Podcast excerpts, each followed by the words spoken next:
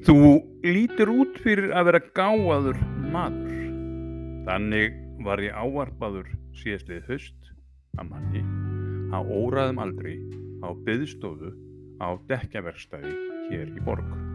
Í fyrstu leiti ég kringum mig til að fullvissum mig um að hann væri ekki að fara mannavilt.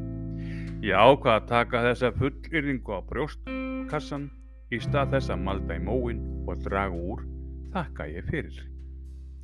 Ég þarf að spyrja þig að einu, sagði maðurinn og horfi á mig eins og sá sem siti við bótskur gáfumans. Ég viðurkenni fúslega að þá fórum mig hrollur að standengindur vendingum þessa manns sem ávarpaði mig svona fallega. Þú lítur út fyrir að vera gáfaður maður. Ég hef ekki átt því að venjast að vera ávarpað með þessum orðum, hver sem skýringin er. Það þurfti blá ókunnuga mannesku til og kannski líkur skýringi þar.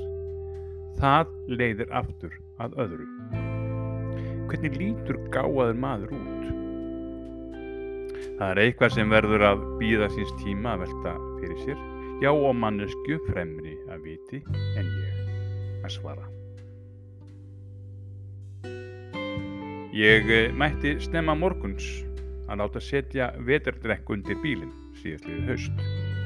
Ég ákvað þetta árið, það árið að býða ekki eftir fyrstu snjónum og tilherrendi óferð eins og við flest gerum og það sem meir er kemur alltaf og óvart þegar fyrsti snjór vetarins leggst yfir borgina. Byðiraðarnir við dekkjaverstæðin segja allt um það á hverju ári, eins víst á jólinn koma sinni á ári. Rúmgóð byðstofan var þétt setin. Ég kom ég fyrir á einni eina lausa stólnum þar sem þar var að finna. Þeir sem voru fyrir voru flesti niðurlútið með andlitið ofan í símanum og ég var fljótlega engin undantekning á því. Reif upp síma minn svo ég þyrti öruglega ekki að horfa á næsta mann, já eða tala um veðrið.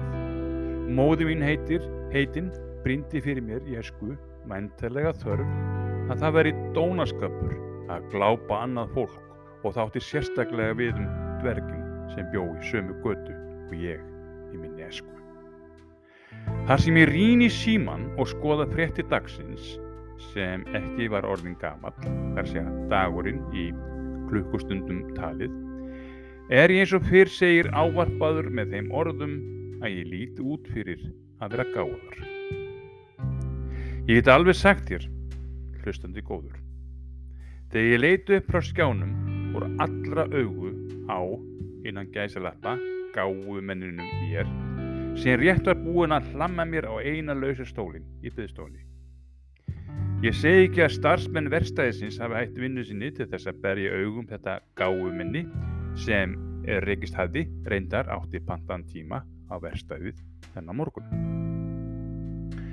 Maðurinn á þessum óræða aldrei kynnti sig.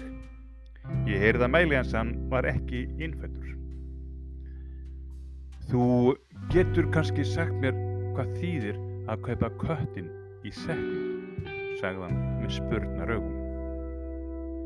Ég bókstæðlega fann að eiru allra inn á byggstofinni skimuð út í loftið átt mín eins og tröll auki loftnetti eðmur Kaliforníu sem leitar af ummerkjum um líf á öðrum hnöttum.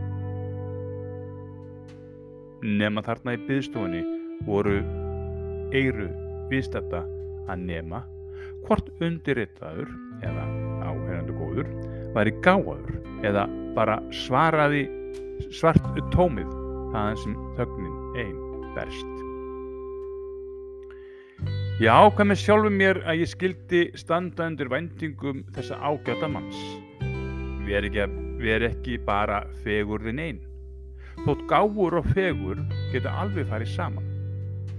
Eitthvað vaðist mér tunga um höfuð og hváði fyrst svona til að vinna tíma, spurði af hverju hann var að spyrja þessu. Hann segði mér, og þeim sem þarna voru viðstættir með blakandi eiru, hann hefði búið hér að landi í 40 ár, fættur í bandaríkjunum, kom hingað sem ungur maður í æfintérleit. Örlegin réði því að hann væri hér enn, eigimaður, þryggjabarna fadir, já og afi tekja barna. Hann sagði mér líka að hann var næstum fastakonni á verstæðinu. Ég kinkaði kolli, náttúrulega gáðumannlega, eins og mér bar skildan til í návist þessa manns, já og hinna sem á hlítu. Maðurinn, þarna, sagði hann, og benti eftir verkstæðinu á bifílevirkja sem hálfur var ofan í vilarúminu. Hann sagði að ég hafi keft köttin í segnum.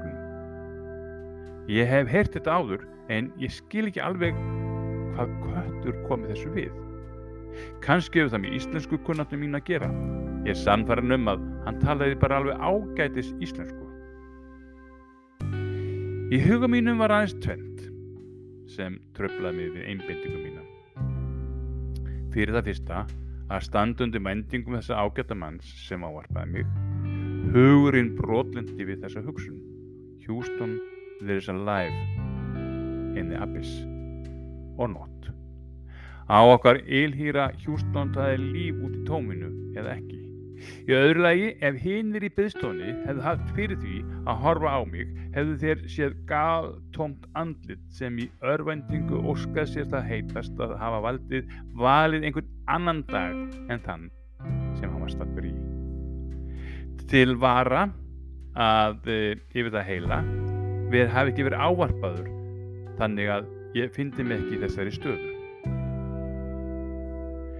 Hann hefði alveg getað sagt, heyrðu vinnur, hvað þýðir?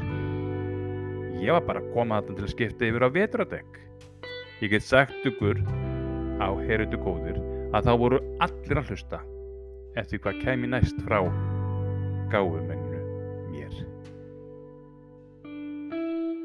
Mér tókst að bögla því út um mér eftir að hafa farið á ljós hraða um dimmustu kima huga míns til að komast að því að það var ekkert að pinna.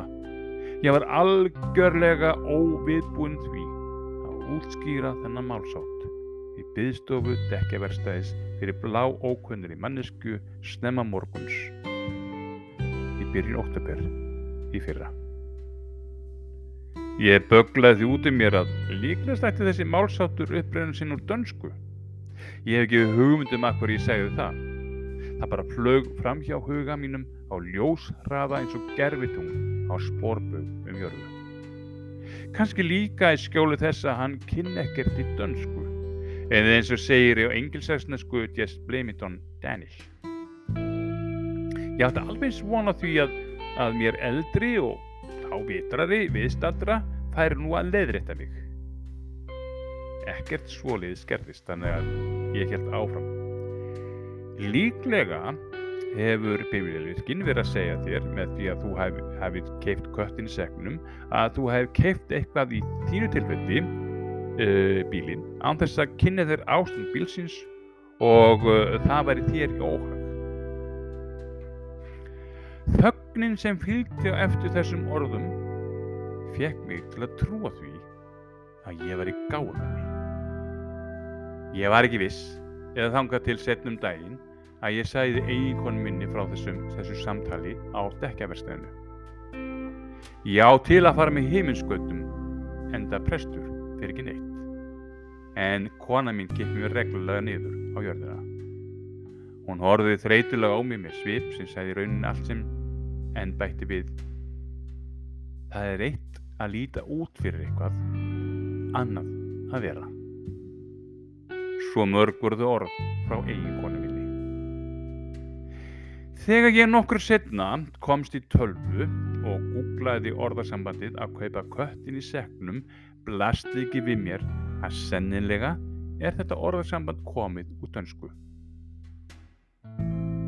Það er ekki að spyrja gáfumennum mér, þótt að ná ekki lengra en útlýslega nægi mér það alveg.